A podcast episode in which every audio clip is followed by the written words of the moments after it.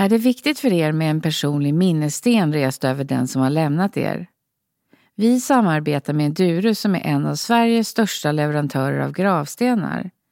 Edurus erbjuder kostnadsfri rådgivning och är bara ett samtal bort när ni har frågor eller behöver hjälp.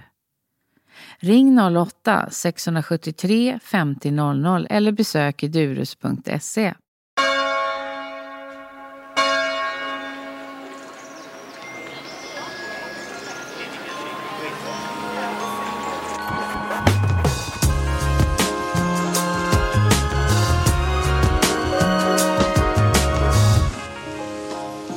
Välkommen Arne Norlin, författare, och Bo Hedin, journalist. Tack så mycket. Tack. Ni har ju skrivit en bok tillsammans som heter Bland berömda svenskar. Och det är ju inte bara bland berömda svenskar, utan det handlar ju om berömda svenskars gravplatser. Nu får ni gärna berätta om hur ni kom på den här idén. Det började egentligen under pandemin för många år sedan, eller för några år sedan är det nu. Och ehm, då man ju inte kunde göra så mycket, utan då började vi promenera tillsammans med en tredje kompis en gång i veckan.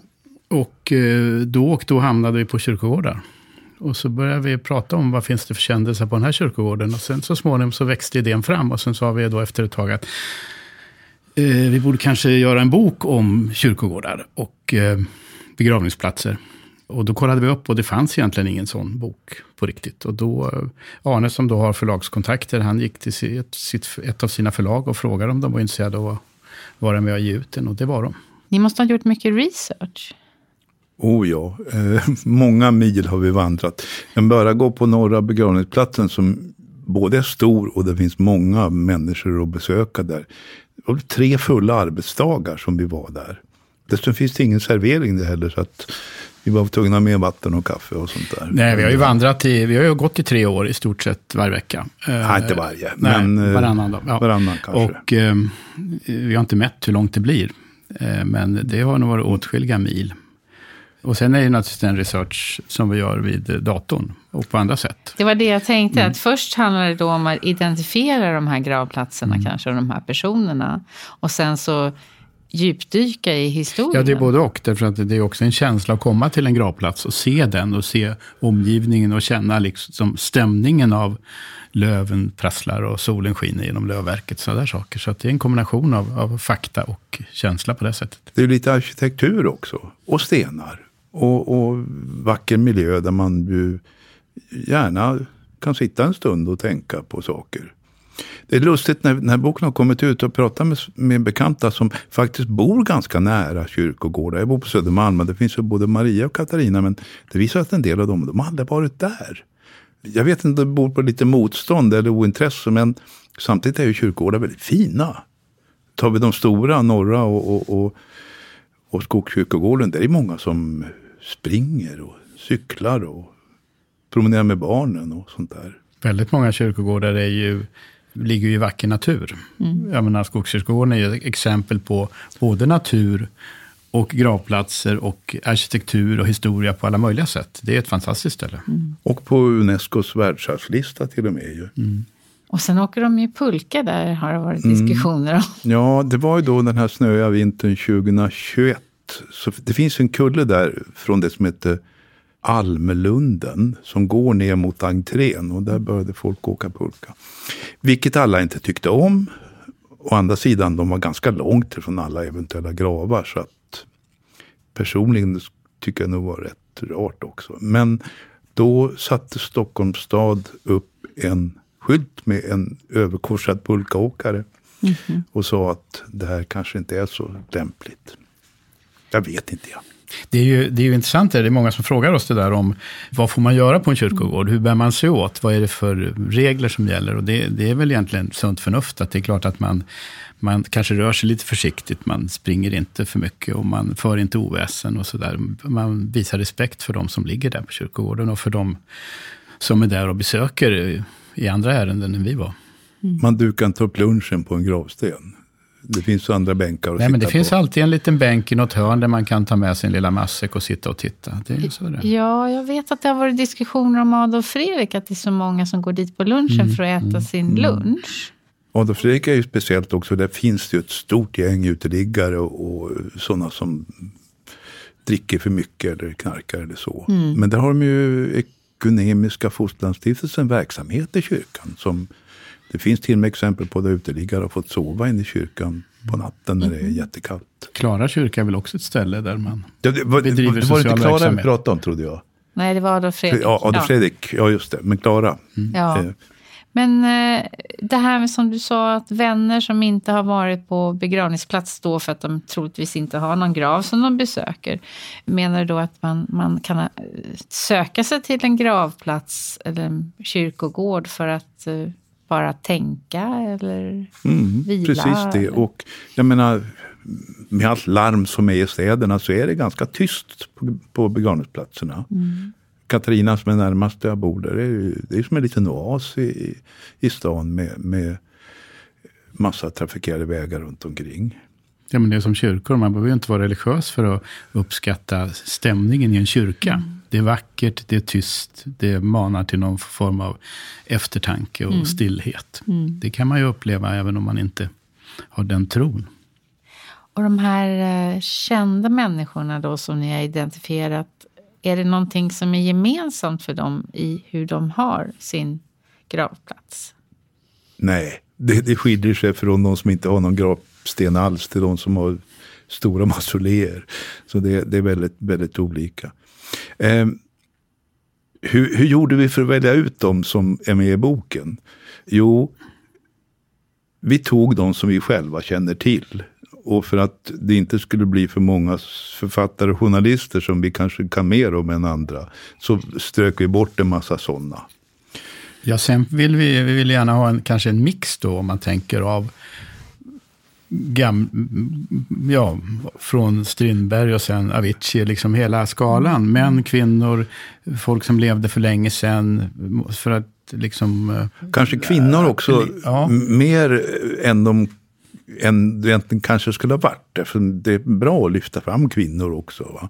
Mm, mm, Jag menar för länge Historiska människor är ju ofta män faktiskt. Ja, Det det har varit så. svårt att hitta eh, alla ex, ja, alltså kvinnorna? Nej, det finns ju mycket, mycket spännande kvinnor. Det, det, så, absolut. absolut. Men man kanske får tänka lite extra på det. Ja, just det.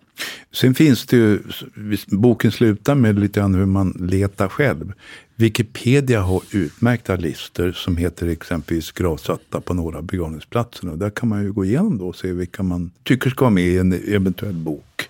Sen finns det ju också sökmotorer som man kan använda som eh, kyrkan har själv så att säga. I Stockholm heter den E-tjänst Hitta graven och det är alla kyr- kyrkogårdar som ligger Ja, det är inte alla kyrkogårdar i Stockholm, Stockholm men de är utkanten. Bromma Solna, Skogskyrkogården norra, de är med där.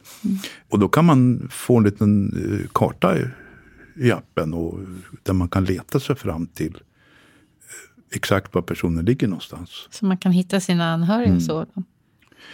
Ja, eller vem som helst. Ja, eller vem som helst. Ja. Annars är det ju, det är ju inte alltid så lätt att hitta gravar på kyrkogårdar. Det system man använder på olika begravningsplatser för att, att eh, numrera gravar, det finns hur mycket olika system som helst och på vissa ställen så är det logiskt och bra, på vissa är det helt obegripligt. Så att, eh, vi har verkligen gått runt mycket och och jag vet inte, men på vissa ställen har vi faktiskt letat. Någon enstaka gång gav vi till och med upp, för vi hittade inte den här. Men, men, eh, så där är ju bokens kartor naturligtvis eh, bra på så sätt. Det finns ofta ett system. Det gäller bara att komma på hur det systemet ser ut. Men sen gör de ofta så att då försvinner någon, jag menar graven är gammal och så, och, man ska lägga in en ny. Då får den liksom ett nummer som inte alls är rätt. Fast den ligger i en rad. Så mycket sånt har det Ja, en, en del kyrkogårdar, de flesta har ju någon form av, av liten, liten skylt vid gravarna, men inte alla. Och en del har ju kartor vid entrén, men inte alla. Men nästan alla har personal som går omkring på kyrkogården och de är ofta väldigt kunniga och trevliga att prata med. Och de tycker det är roligt när man frågar. Absolut. Sen har de också varit behjälpliga för att när, vi, när sen han som ritade kartorna skulle göra det så gjorde han det och sen så skickade vi, dem till de ansvariga som kunde säga att nej, den ligger nog en 10 meter fel eller 20 så att säga. Här har ni gjort helt fel, den ligger inte i det kvarteret överhuvudtaget. Ja, så vidare. Så liksom det har varit en extra koll sen till sist att alla, alla ligger rätt. Och när ni valde, valde ni utifrån vad ni bara råkade på eller hade ni bestämt er innan och läst listorna? bestämt innan. Mm. Fast sen blir man ju lite överraskad också ibland när man hittar saker som man inte hade väntat sig. Mm. Ett av många exempel på det är ju Astrid Lindgrens man dog redan på 60-talet. Och hon brukade gå till hans grav. Och då passerade hon en annan grav med två små barn som hade dött unga, förmodligen eh, TBC eller något liknande för hundra år sedan. Och det sägs då att det var där hon fick idén till Brunna Lejonhjärta. Jaha. Och begravdes hon på samma plats? Nej, hon är, hon är i Vimmerby med ja. sina föräldrar. Ja. Men pojkarna är kvar. Och den, den visste jag i alla fall inte om förrän vi gick förbi den en gång. Så att, mm. Mm, den där har jag sett, en bild på Astrid Lindgren med den här stenen. Ungefär så. Men det är ju svårt att ge sig ut på en kyrkogård bara på måfå. Ja, på en liten kan det ju vara, men mm. på en stor, jag vet en del har ju sådana här små eh, blad man kan hitta i någon liten eh, mm. brevlåda där det faktiskt finns eh, kändisvandring på den kyrkogården också. Men, men, det är klart det är svårt att gå ut på, på Norra kyrkogården och bara chansa. Ja. Men man kommer att hitta saker, så det kan man också göra.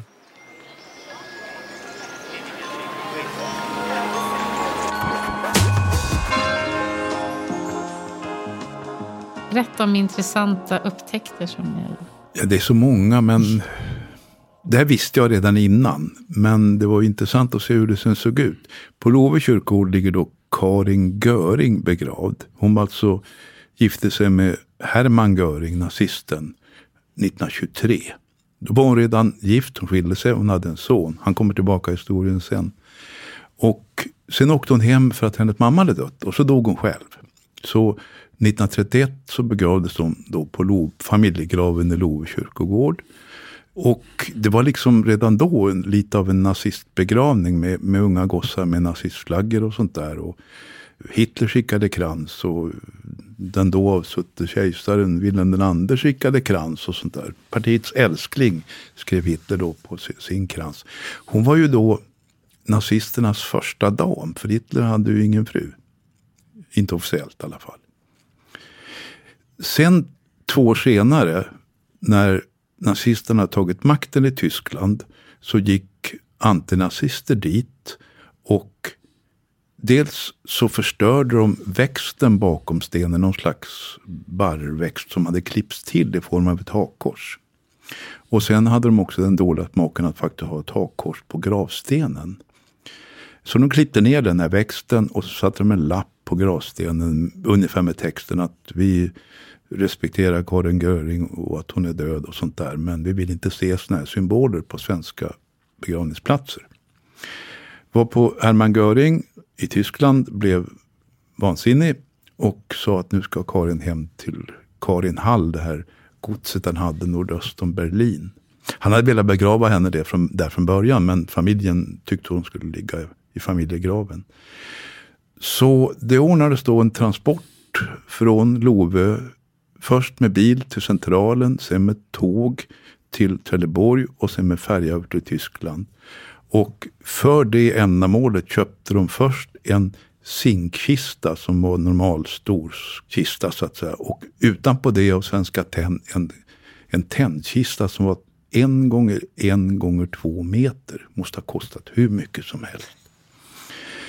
Ja, så fördes då med bil igen då från Sassnitz i Tyskland och till hans Hermann Görings Karin Hall då. Och så byggde han ett granitmausoleum för henne där. Och det finns bilder från det också. Det var alla där. Goebbels och Hitler och Göring själv. Och det är nazistorkester och flaggor som så det dånar om det. Så då begravdes hon där för andra gången 1934. Sen tog kriget slut och Göring tog livet av sig i Nürnberg. Och innan dess hade han sprängt både gården och mausoleet med dynamit. Och sen hamnade då där Karin Hall låg i det som heter östzonen, alltså Östtyskland, blivande Östtyskland. Och de som bodde där tänkte att det var väl dumt på så mycket fint virke och så mycket bra sten. Det här kan vi ju använda till någonting. Och så, då hittade de en zinkkista inte långt ifrån där mausoleet var. Och prästen i Svenska kyrkan i Berlin kontaktades och man antog att det var Karin Göring. Så det var ju bara ben kvar då efter, vad blir det? 12 år så att säga. Men det benet skickades hem till Sverige och så begravdes hon för tredje gången 1958. Sen föll muren och det blev Tyskland av alltihopa. Och det gick rykten om att Göring hade gömt silvergrejer ute på, på gården där. Ljusstakar och, och bestick. Och, så folk gick med såna här metalldetektorer och, och, och, letade. Och mitt i allt det, de hittade faktiskt lite silversaker också. Mitt i det hittade de en kista till. Återigen en zinkkista, återigen med en kvinnlig person i. Så var det här verkligen Karin Göring? Och hon skickades, det här, nu var det ännu mindre kvar, va? skickades återigen till Sverige och det här var 1998 eller något sånt där tror jag. Och under de här åren som hade hänt sedan tredje begravningen och nu, då hade DNA-tekniken gått framåt. Och sonen från det första äktenskapet, han hade lämnat ett vävnadsprov en gång. Och så kunde de jämföra det vävnadsprovets DNA med benens DNA. Och nu var det verkligen Karin Göring. Det tog några år och då 2011 så begravdes hon för fjärde gången. Oj. Och då kan man ju fråga sig, vem låg i hennes grav i 60 år? Ja. Och det vet man inte. Det kan ju ha varit någon annan anställd på, på Karin Hall som också fick en sin kista. Så att, men vem, det gick inte att reda ut. Så de, de benen destruerades, som det heter. Så nu ligger hon på i Love kyrkogård ja. nära Drottningholm. Mm. Ja. Utan hakkors på gravstenen. Men gravsten? Ja, det är en liten platta framför familjens eh, sten, eller kors. Tror jag. Ja, det är något kors. Mm. Det var någon sorts byggarbetsplats när vi var där, så att det var svårt att se vad det mm. De renoverade kyrkan. Speciellt öde. Mm. Ganska ovanligt kanske, att bli begravd fyra gånger. Mm. Extremt ovanligt. ja.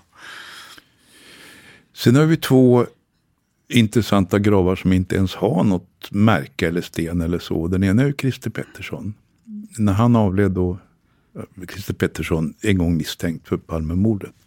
När han begravdes 2004 i samma grav som sina föräldrar så ville inte hans systrar att det skulle stå var han fanns någonstans. De var beredda att det skulle bli uppmärksamhet och att folk skulle gå dit och förstöra någonting eller så. Och inte, nu kanske idag kanske inte många bryr sig, men, men det har inte kommit dit någon gravsten. Så där ligger han med sin mamma och pappa, som dog före honom. Gräsplätt på Solna mm. mm. kyrkogård. Och i Värmdö ligger Raskenstam också på en... Ja, den är inte tom, för det ligger en rand med, med stenar runt omkring platsen där, där han är, så att säga. Raskenstam, Sol och våraren, som sen blev film och och allt sånt. Kan man säga att eh, det liv den, de här personerna har haft, att, kan speglas det i hur de är begravda på något sätt? Ja, men titta på Wallenbergarnas stora monument, Malmvik, på väg ut mot Ekerö. Mm. Det är väl ett mm. typexempel. Mm. Ja, eller familjen Bernadotte på Kungliga begravningsplatsen i Hagaparken. Och de stora mausoleerna på eh, Norra begravningsplatsen som ju bara de som hade hade råd kunde bygga på den tiden. Ja. De är ju hundra år gamla eller något ja, sånt där. Va? Det är inte så många som har sådana nu, fast de har pengar. Eller har råd. Många rika berömda har egentligen ganska anspråkslösa ja. Begravningsplatser. Ja, men en, en bra sten och, och, en fin text. Och så är det väl inte så mycket mer egentligen. Mm. Mm. Jag tänkte på det här med Greta Garbo. Är det glamoröst och vackert? Vad är det? Det är ju ett, eh, det är ju inte så. Det är ju en sten som är fin och så. Och så är det ju ett, eh, det är lämnat ganska mycket utrymme omkring. Mm. Så att det, det, är liksom, den ligger i, i, en egen liten natur med gräsmatta och häckar mm. om jag minns rätt. Mm. Så att den är fin på det sättet. Mm. Den är betald för evighet så att säga. Och det finns pengar också för att sköta om den. För hon har ju, tror jag, ingen släkt kvar i Sverige längre. Och så har den en rejäl gravsten med en sån här fin Älvdals kvartsit som är mörkröd fin sten. Den har en stor betongklump som den sitter fast i. För bara några år efter att hon dog så hände det här att några stal Charlie Chaplins kvarlevor. där han låg begravd i Schweiz. Och krävde lösensumma för att lämna tillbaka dem. Och hennes brors barn som var de som skötte om det hela. De var lite rädda att det skulle hända igen. Så att den, är, den går inte att stjäla. Annars är det ju, eh, eh, var vi ju skulle titta på Aviciis eh, minnesplatta där på, är det, vad heter den, i Östermalmstorg. Ulrika Eleonora. Mm. Och då var den bortstulen. Det är en sån där liten metallplatta som ligger där som på en sån här ställning. Och då var den bortbänd, säkert med verktyg. Det är ju väldigt tråkigt. Nu är den tillbaka igen. Hoppas ja. att den får vara där. Men alla har inte lärt sig hur man bär sig åt på en kyrkogård. Nej. Men jag undrar just, har ni sett många personer som, vid gravarna ni har tittat på? Eller har det ofta varit tomt? Ja, men vill man titta på personer kan man gå till Adolf Fredrik och sitta en stund vid Olof Palmes ja. grav. Mm. Dit kommer folk hela tiden faktiskt. Ja. Och många är inte ens från Sverige då, utan han är ju världskänd så att mm. säga. Mm. Greta Garbo är också en sån grav. Så det är klart att de, de riktigt kända så går det ju folk att titta på. Ja. Ni höll ju på med det här i tre år, inklusive skrivandet också. Och vad skulle ni säga har hänt med er? Hur, hur, hur känner ni inför det här med gravplats? Är det någonting som vikt, har blivit viktigt för er? Nej, nej. Bosse har tryckt på mig i det fallet att jag ska skriva ner en liten, liten lapp om hur jag vill ha det när jag dör. Mm. Ja, men vi är ju över 70 bägge två så att vi är inte purunga längre. Sen hade vi en kamrat, gemensam kamrat som avled 2021. Va? Mm, det är ett och ett halvt år sedan. Ja. Han hade bestämt att han skulle ha något som heter pregravningsfest. Och tanken var väl att han skulle vara med först va? Mm. Det var det. Han var cancersjuk och visste ju att han skulle ja. dö ganska snart. Så han bjöd eh, väl 60 av de närmaste vännerna på eh, skaldjursbord på Malmös bästa skaldjursrestaurang. Och bestämde liksom drycker och, och, ja. och, och efterrätt och allt sånt Och där. hade tänkt sig då att ligga på en divan där och vara med. Nu var han tyvärr så dålig att han inte kunde och sen dog han två dagar efter festen. Order till festen var ju då att ni ska inte, det ska inte vara någon, som han sa, jävla begravningsstämning. Utan här ska ni ska dricka och äta och ha trevligt och prata med varandra. Så, och, så det gjorde vi. Vad tyckte ni om det? Kul, kul ja, idé. Kul vet jag ja, Kul, men, men bra idé menar jag snarare. kul, han har också bestämt att inga tal fick vara längre än en minut. Bosse var toastmaster så han uh, höll alla i... Ja, egentligen hade jag sagt att inget tal fick vara längre än, en, eh, vad var det, 20 sekunder. Men ja. jag ändrade på det trots att han var död. Eller inte nästan död. Ja. Men familjen var med och sådär också. Så det, det, var... Sen hade de gravsättningen själva sen då. Ja. Med senare tillfälle. Men du, du frågade hur det har påverkat oss. Och, eh, Alltså inte på det sättet tycker jag, jag som Arne. Jag har ju, har ju haft eh, rätt mycket dödsfall i min omgivning eh, de senaste 10-20 åren. Så att, eh, det har ju betytt mycket mer hur man har påverkats. Hur menar du då? då? Jo, men jag, menar, jag har haft jag en hustru som dog i cancer. Jag hade en pappa som försvann på Estonia. Jag menar, och jag har haft har rätt mycket jämnåriga kamrater som har gått bort mm. de senaste fem, tio åren. Så att eh, någonstans har man ju haft anledning att tänka på döden och hur ja. man ska begravas. Men det här arbetet, har det, varit, eh, har det hjälpt dig på något sätt? Ja, det vet jag inte, men det är klart att eh, ja, promenera i, promenera i friska luften hjälper ja. ju. Med, med en bra kamrat. Det är mm. ju faktiskt, det hjälper, absolut. Mm. Så är det.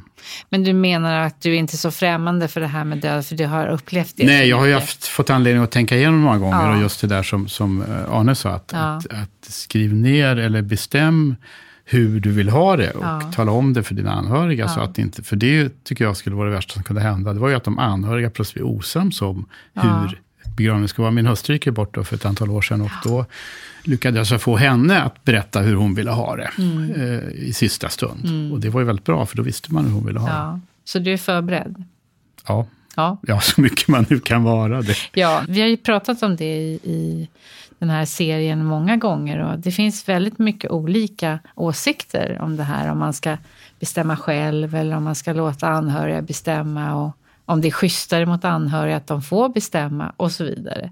Men om de anhöriga blir osams. Och idag när det är så många bonusfamiljer ja. som kan jag menar tänk dig själv om det kan finnas hur mycket barn och halvsyskon hit ja. och dit. Och så ska de bestämma, mm. men mamma ska kremeras. Nej, det ska hon inte alls. Hon ska ligga i Norrland, nej, hon ska mm. ju vara hos oss i Skåne. Det vill man ju inte att barnen ska hamna i. Men det här arbetet med, med den här boken har inte handlat så mycket om död då? Utan det är liksom mer platsen. Att det är historia. Platsen, eh, ja. naturen, promenera och historierna. Ja. ja. det har inte, nej, det är sant. Vi har nog inte tänkt så det är väldigt mycket på döden för att ändå få vara på kyrkogårdar, eller hur? Vad säger du? Nej, men det var mer du och Peter. Jag har ju skrivit en lapp då och jag har gjort som han. Jag ska ha en rejäl fest. Som jag betalar då så att säga. Och Sen kan man sätta mig någon nudlund på Katarina eller Maria med en liten skylt på. Så att säga. Men ingen begravning, inget sånt överhuvudtaget. Och till festen ska alla bjudas som jag har känt, höll jag på att säga, och som vill komma. Och finns fortfarande, det är en morgontidning kvar, så sätt in en begravningsannons och berätta att det kommer att bli fest. Mm. Och sen får någon annan ta hand om eh, prat och sånt där. Jag, jag känner folk som är bra på sånt. Så det kommer säkert att lösa sig. Mm. Det är jättebra. Tycker, jag måste fråga, tycker dina barn att det är en bra idé? De har läst lappen också. Ja. De har inga invändningar ja. överhuvudtaget. Det är lite viktigt faktiskt. Mm. Så att inte de struntar i din, din, din sista önskan. Nej, precis. Nej då, de är med.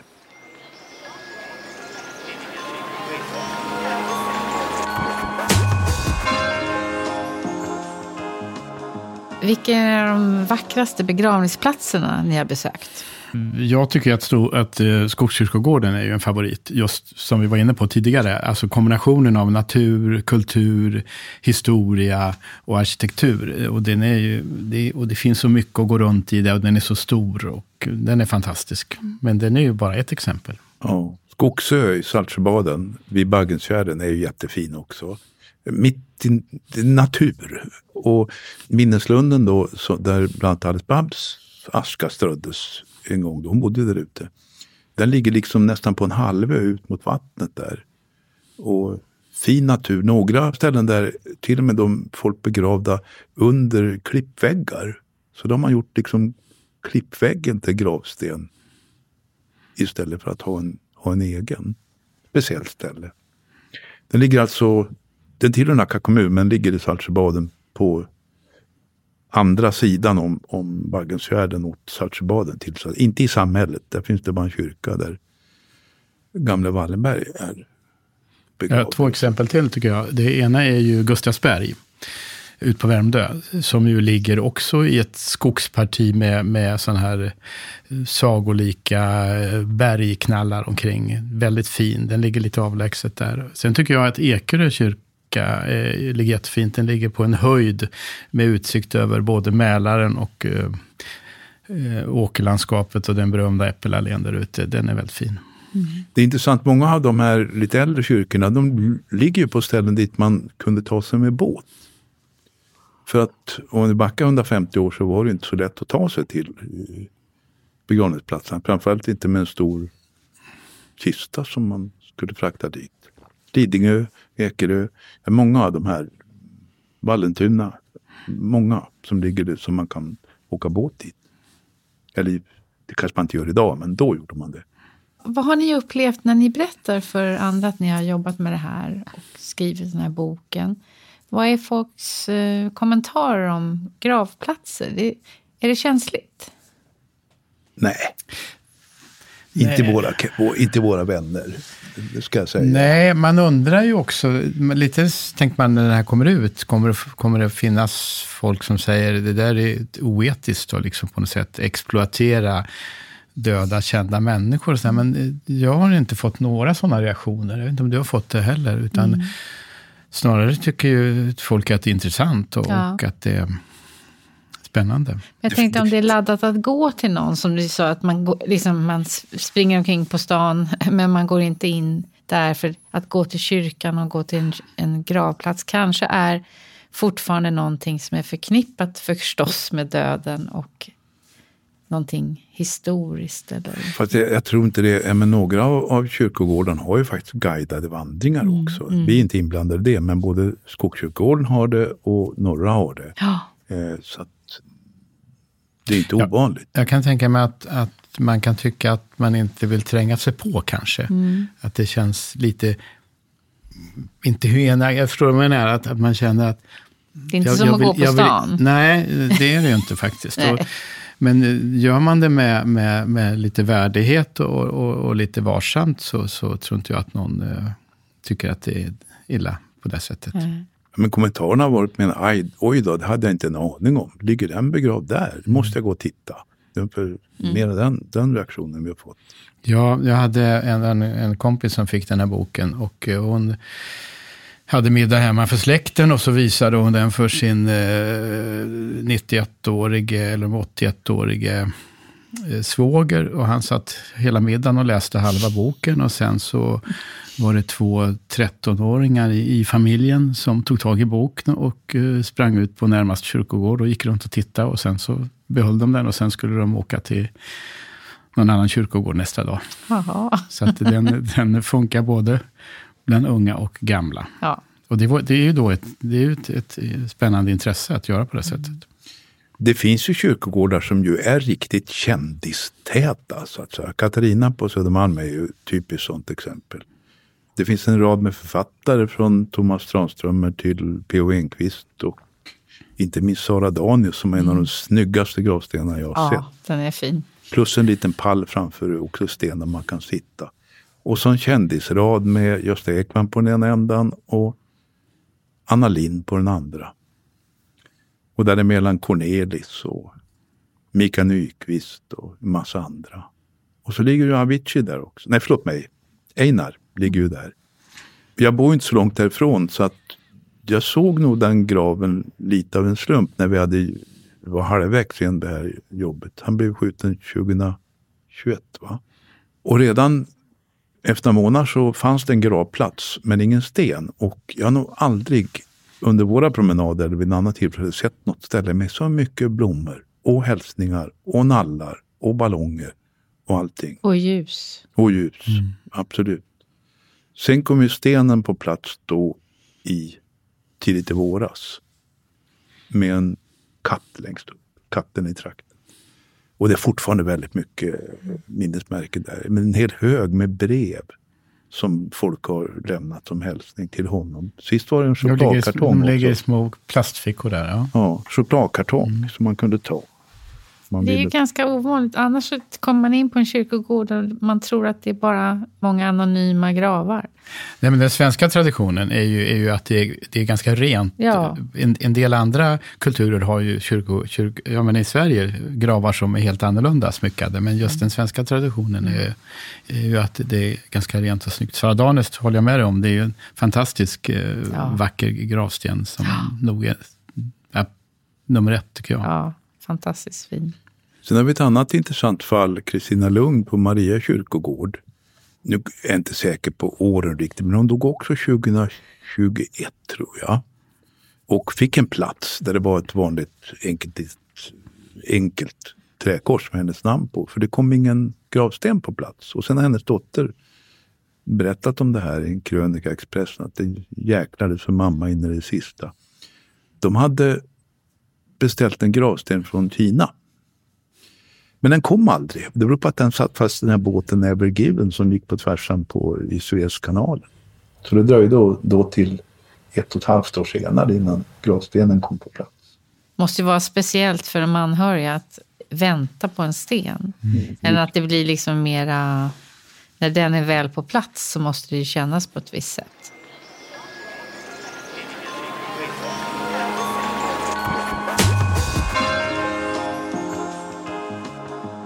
Sen har vi alla de som inte ligger där de ligger. Det är också intressant. Ett bland flera exempel är ju Bellman som är, har en stor fin sten på Klara kyrkogård.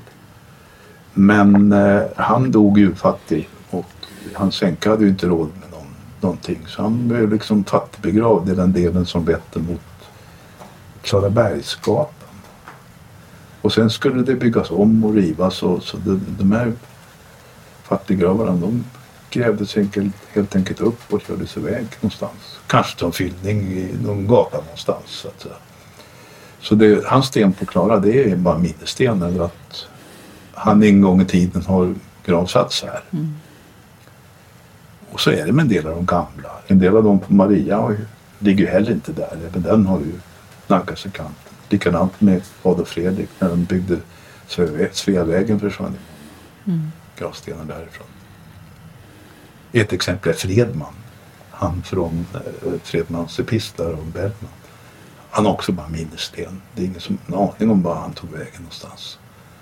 Han var ju en gång i tiden en ganska framgångsrik urmakare. Hade hand om, om kyrkorna i, i Storkyrkan och kyrkan på Riddarholmen. Men söp ner sig och dog också han utfattig. Fattigbegravning. Mm. Och sen försvann. När en grav inte betalas för längre, vad jag förstår, så för, tar man ju bort gravstenen. Och den blir till stenkross. Ja, det är visst. Det är lite svårt att förstå. Vi har ju faktiskt, inte vi, men, men indirekt räddat en också. Eh, nämligen sociopolitikern Carl Kihlbom. Han ligger alldeles bredvid Nils Ferlin på Bromma kyrkogård. Eh, och när vi var där så såg vi att det stod en skylt framför att den här graven kommer, gravstenen kommer att försvinna. Och jag råkade berätta det för vår förläggare på Linda Company. Och han har lite förbindelse med det som heter Arbetarrörelsens arkiv. Så de grep in och, och räddade Carl Kihlbom Ja. grav så att säga. Vi, vi har faktiskt pysslat om mycket gravar på andra sätt också. Det är ju så att när man ska fotografera så är det ju så att, att ibland är det ju mycket löv och, och skräp. Och ibland är det lite sorgligt att se att kända Ja. stora mäns gravar är, är Och rätt, kvinnors. och kvinnors är, är, är rätt illa skötta och sådär. Så att vi har eh, städat många gravar inför vår fotografering så de Ja. har blivit finare. Jag förstår. Men tror ni att man går mindre och besöker gravarna nu, den här tiden, än förr i tiden? Alltså har gravplatsen ändrat betydelse på något sätt? Ingen aning. Ingen aning Nej. heller. Jag tänker hur mycket nya gravar ni har sett, eller gravstenar också. Ja, det ju, finns ju mycket Ja. nya och sen Ja. är det ju, är ju minneslundar och sen är det ju olika varianter på det här med askgravlundar Ja. och minneslundar med och utan namnplattor. Ja. Alltså det finns ju rätt många varianter idag på gravar. Men om folk besöker mer, det kan, man, det kan jag bara spekulera. Jag skulle tro att det är väldigt individuellt. Ja. Skogskyrkogården är ju Stockholms största. Det, över 100 000 ligger begravda där. Men då är hälften, över hälften ligger i minneslunden. Mm. Alltså när det gäller antalet begravda personer. Så att Ja. säga. Det är en etta i Sverige. Så, att, säga. så jag läste någonstans, det har inte med det här att göra kanske, men det- numera kremeras ju ungefär fyra av fem. Ja. Sen finns det ju religioner som inte tillåter det. Så att de, de måste fortfarande ha en, en riktig jordgrav så att Ja. säga. Men de flesta kremeras. Mm. Sen har vi vänner begravda på kyrkogårdarna som vi har ju gått förbi och sagt hej och sådär. Så att det, det kan man ju också göra. Ja, det har varit en liten bonus. Gått förbi. Ja. Upptäckt dem eller Nej, visst dem? nej, men vi har ju ofta vetat om det, fast Ja. kanske inte exakt var de ligger och sådär. Så att, Vi skulle väl aldrig kanske, jo kanske någon gång Håkan till exempel, åka dit ändå. Men ibland har vi bara passat på. Mm. När vi har varit på, på kyrkogårdar. Vad gör folk vid gravplatsen? Pyssla med blommorna. Inte Det- står och pratar.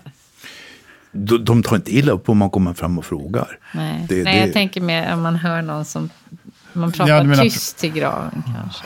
Ja, nej, men då, då kanske de gör samtidigt som de pysslar med blommor. Ja. Mm. De pysslar faktiskt med blommor och sådana saker. Det är vad folk står på knä och pysslar med sina saker. Så då går man förbi lite försiktigt och diskret. Fa- Fast visst har det hänt om man har svårt att hitta någon, hitta någon speciell grav. Att man frågar någon som är där och pysslar. Vet du var den och den är någonstans? Och då vet de ibland det. För det, det kan fråga om bara meter emellan. Va? Jo, man känner liksom när man ser folk om de är talbara eller om de vill Ja. vara i fred. Det, det känner man nog. Brukar ni gå på graven framför gravstenen? Nej.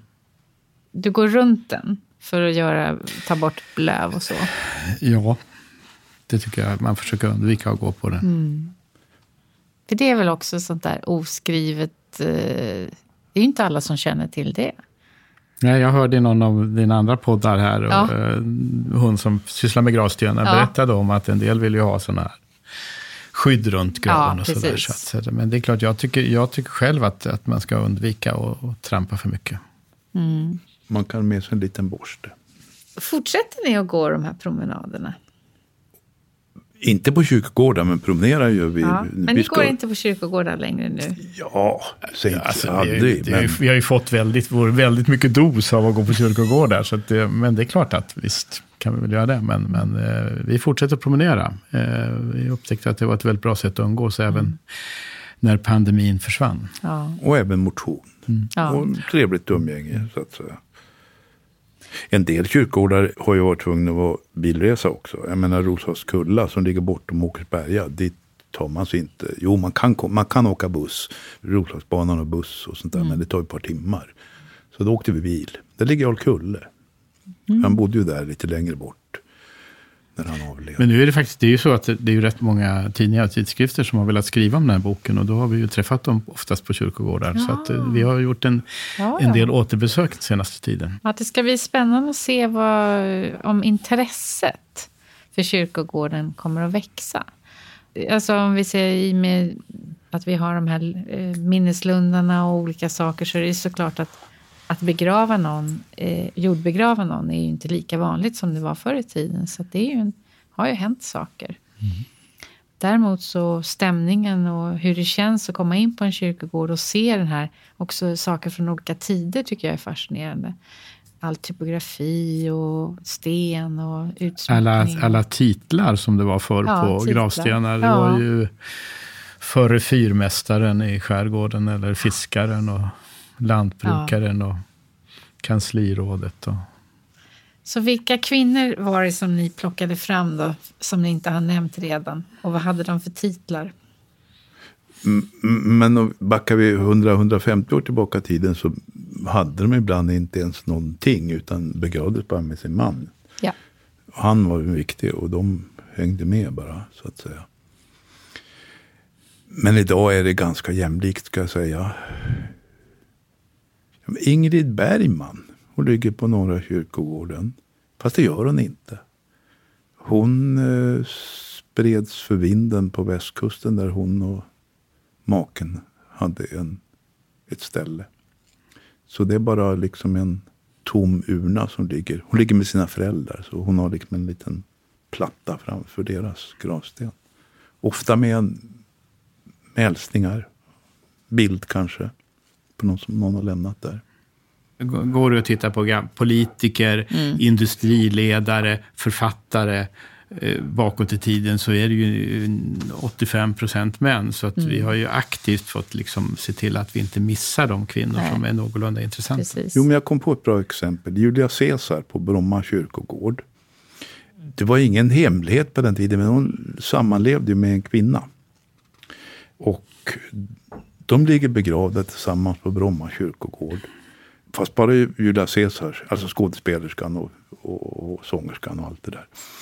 Bara hennes namn står på gravstenen. Men så ligger det två kvinnor till i samma grav också. Vilket man ser när man går in och letar baklänges på vilka som är begravda på ett speciellt ställe. Och det var två bekanta till dem som jag kan bara gissa utan att vara helt säker att de var också sammanlevda. De två kvinnorna. Och den ena var fotograf. Och den andra var föreståndarinna för skådespelarnas pensionärshem Höstsol. Jag kan bara gissa utan att vara säker att Julia Caesar be- betalade för deras platser också. Så att säga. De dog inom loppet av 28 år de här alla fyra så att säga. Så det finns en massa historier om de som ligger där. Som är intressanta att berätta. Hur många ligger i en grav tillsammans med sina föräldrar eller till sina makar? Eller så är de begravda någon annanstans för de hör hemma någon annanstans. Det verkar ju vara olika saker som man står inför. Om man vill vara lokal eller med familj eller med makar då. Jag tänkte familj, då menar jag förfäder och sånt. Ja, par begravs ju tillsammans. Och idag skriver man bägges namn på gravstenen. Så att mm. säga. Finns det en familjegrav så, så väljer man kanske den. För det är enkelt och praktiskt och så.